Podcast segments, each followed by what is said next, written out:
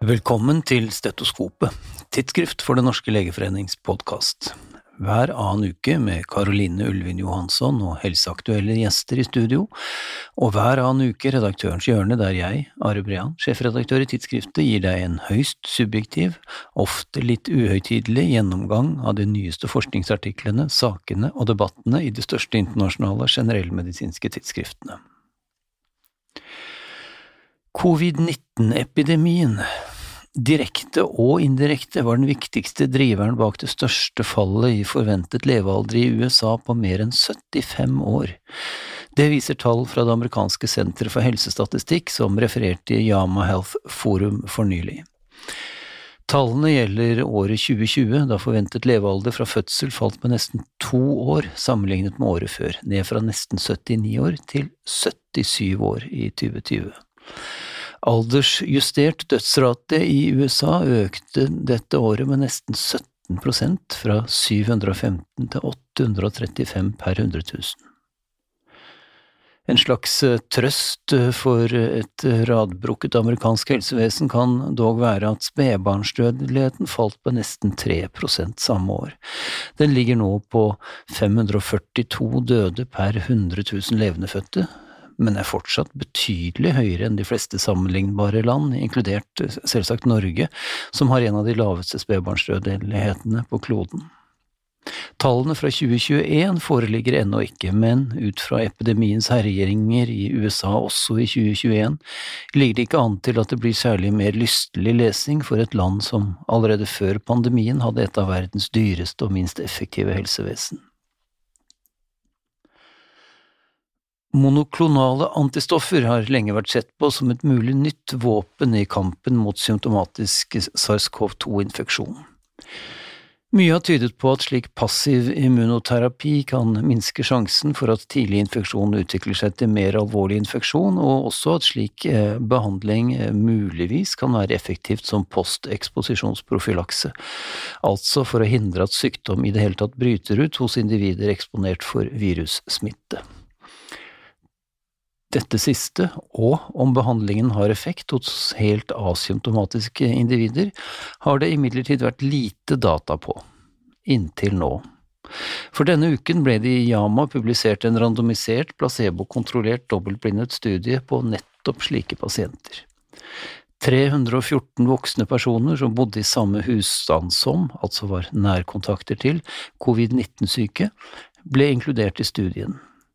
De inkluderte ble gitt subkutant Casivirimab eh, og Imdevimab eller placebo.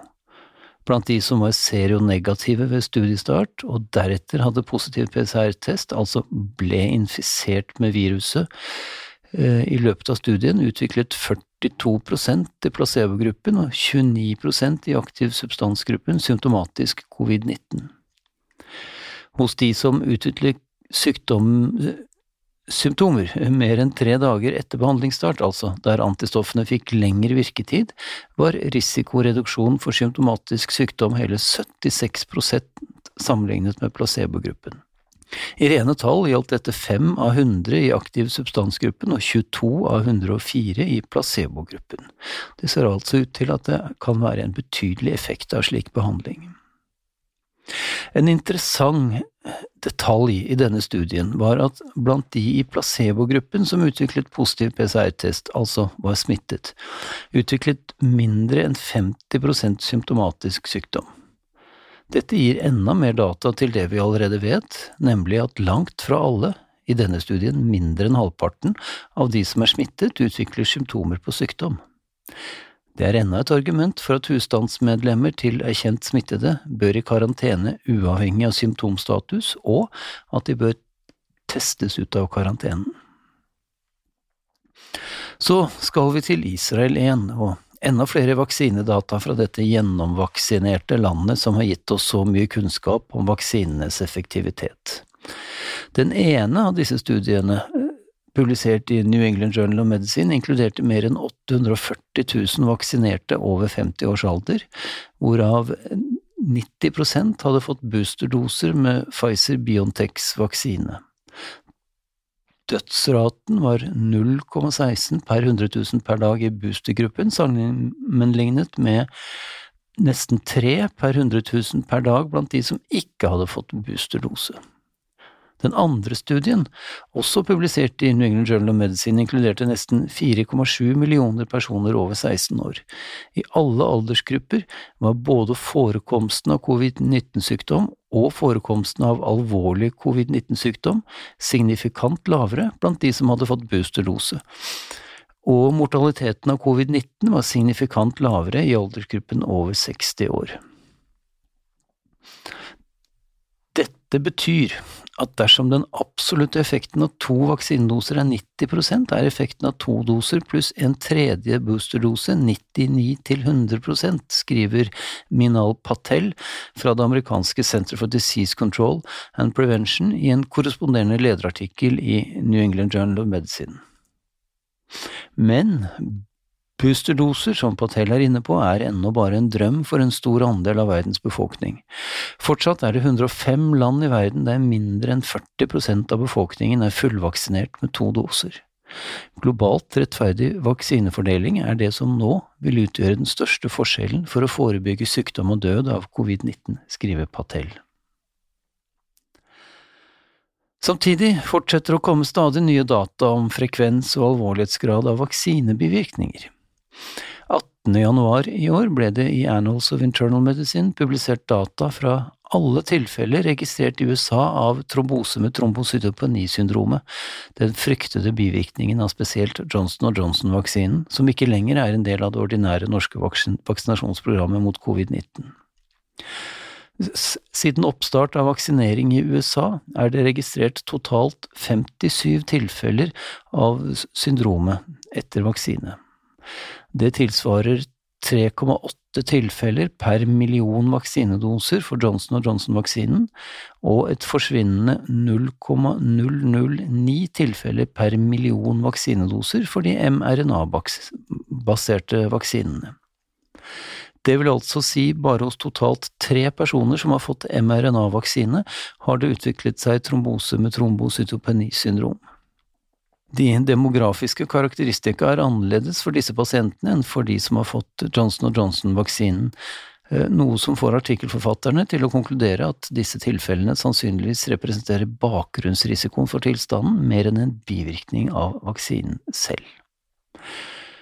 Slik andre data også har tydet på, ser det altså ut til at mRNA-vaksinene er helt trygge med tanke på akkurat denne fryktede bivirkningen. Vi skal over til noe helt annet. Elisabeth Holmes, grunnlegger og tidligere administrerende direktør i selskapet Terranos, som skulle revolusjonere helsevesenet med sine analysemetoder, ble i forrige uke funnet skyldig i fire av elleve anklagepunkter om svindel i det nå nedlagte blodprøveselskapet. Fallet var bratt. Holmes ble for ikke lenge siden hyllet som verdens yngste kvinnelige selskapte milliardær. Men hvorfor, spør The Lancet på lederplass denne uken, hvorfor måtte det en Wall Street Journal til for å avsløre svindelen? Hvor var de vitenskapelige miljøene, de som skal etterspørre og etterprøve evidens og transparens i nye metoder og i ny påstått forskning? Hvor var den antatt selvkorrigerende vitenskapskulturen?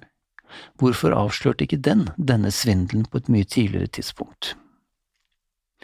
Mye av svaret ligger kanskje i den meget spesielle selskapskulturen skapt av Holmes. Terranos lovet å transformere helsevesenet og testet et stort antall pasienter, visstnok, men det var ingen eh, evidens for at produktene var nøyaktige og trygge, ingen data, ingen grundig forklaring på hvordan teknologien egentlig fungerte, ingen åpne vitenskapelige studier, ingen konferansepresentasjoner. Ansatte i selskapet ble holdt isolert fra hverandre og beskriver en fryktkultur der de som ga uttrykk for bekymringer ble marginalisert, sagt opp og tvunget til å signere taushetserklæringer under trussel om rettssaker. En av de ansatte døde sågar i selvmord dagen før han skulle vitne i en rettssak om selskapets teknologi. Den ikke helt ukjente Stanford-professoren John Ioannidis har tidligere publisert data som viser at mangel på vitenskapelig publiserte og tilgjengelige studier heller er regelen enn unntaket når det gjelder produktene til de største og mest finansielt vellykkede helsestartupene i USA. Dette er altså ikke enestående, om enn mer spektakulært enn de fleste. Terranos-saken er ekstrem, men problemet er også en systemsvikt. Det er nemlig ulike mål involvert, skriver The Lancet. Målet for helsevesenet er helse, mens målet for oppstartsselskaper ofte er uhemmet vekst og kortsiktig gevinst, også innen helse.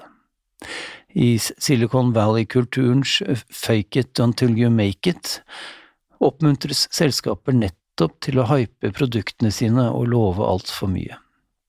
En lærdom av Terranos-skandalen er derfor at det vitenskapelige samfunnet bedre må forstå denne dynamikken og holde teknologiselskaper ansvarlig for sine påstander, og ikke minst forvente normal vitenskapelig og etterprøvbar dokumentasjon for påstander.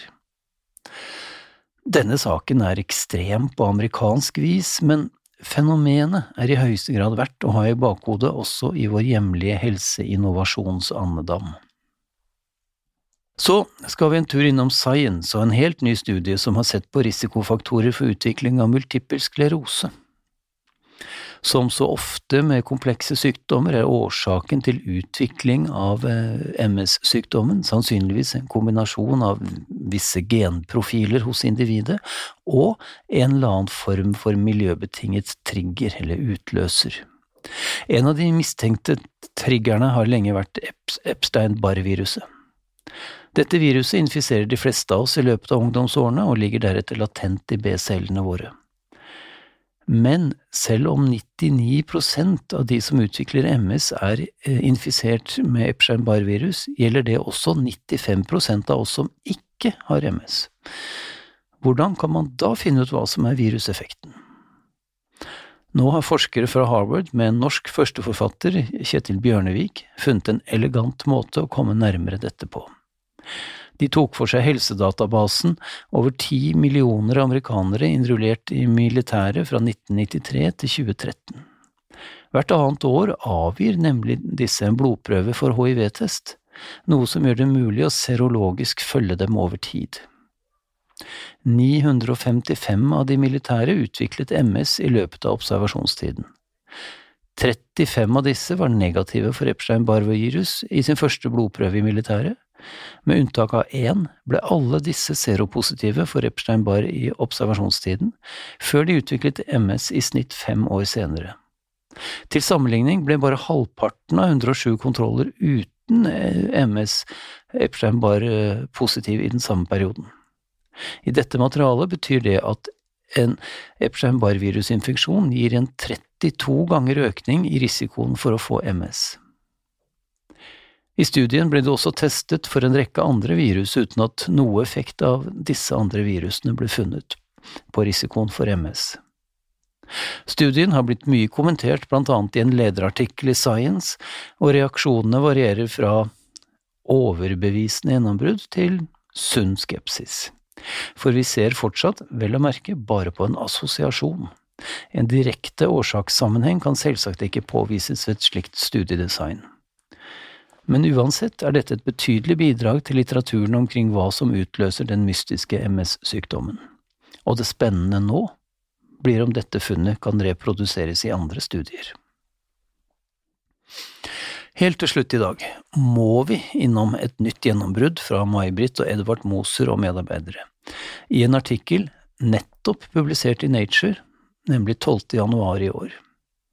Ekteparet fikk som kjent nobelprisen sammen med John O'Keefe for sin oppdagelse av hjernens gitterceller. Nå tar de denne forskningen et langt steg videre, i et gjennombrudd som beskrives som like stort, om ikke større, av flere.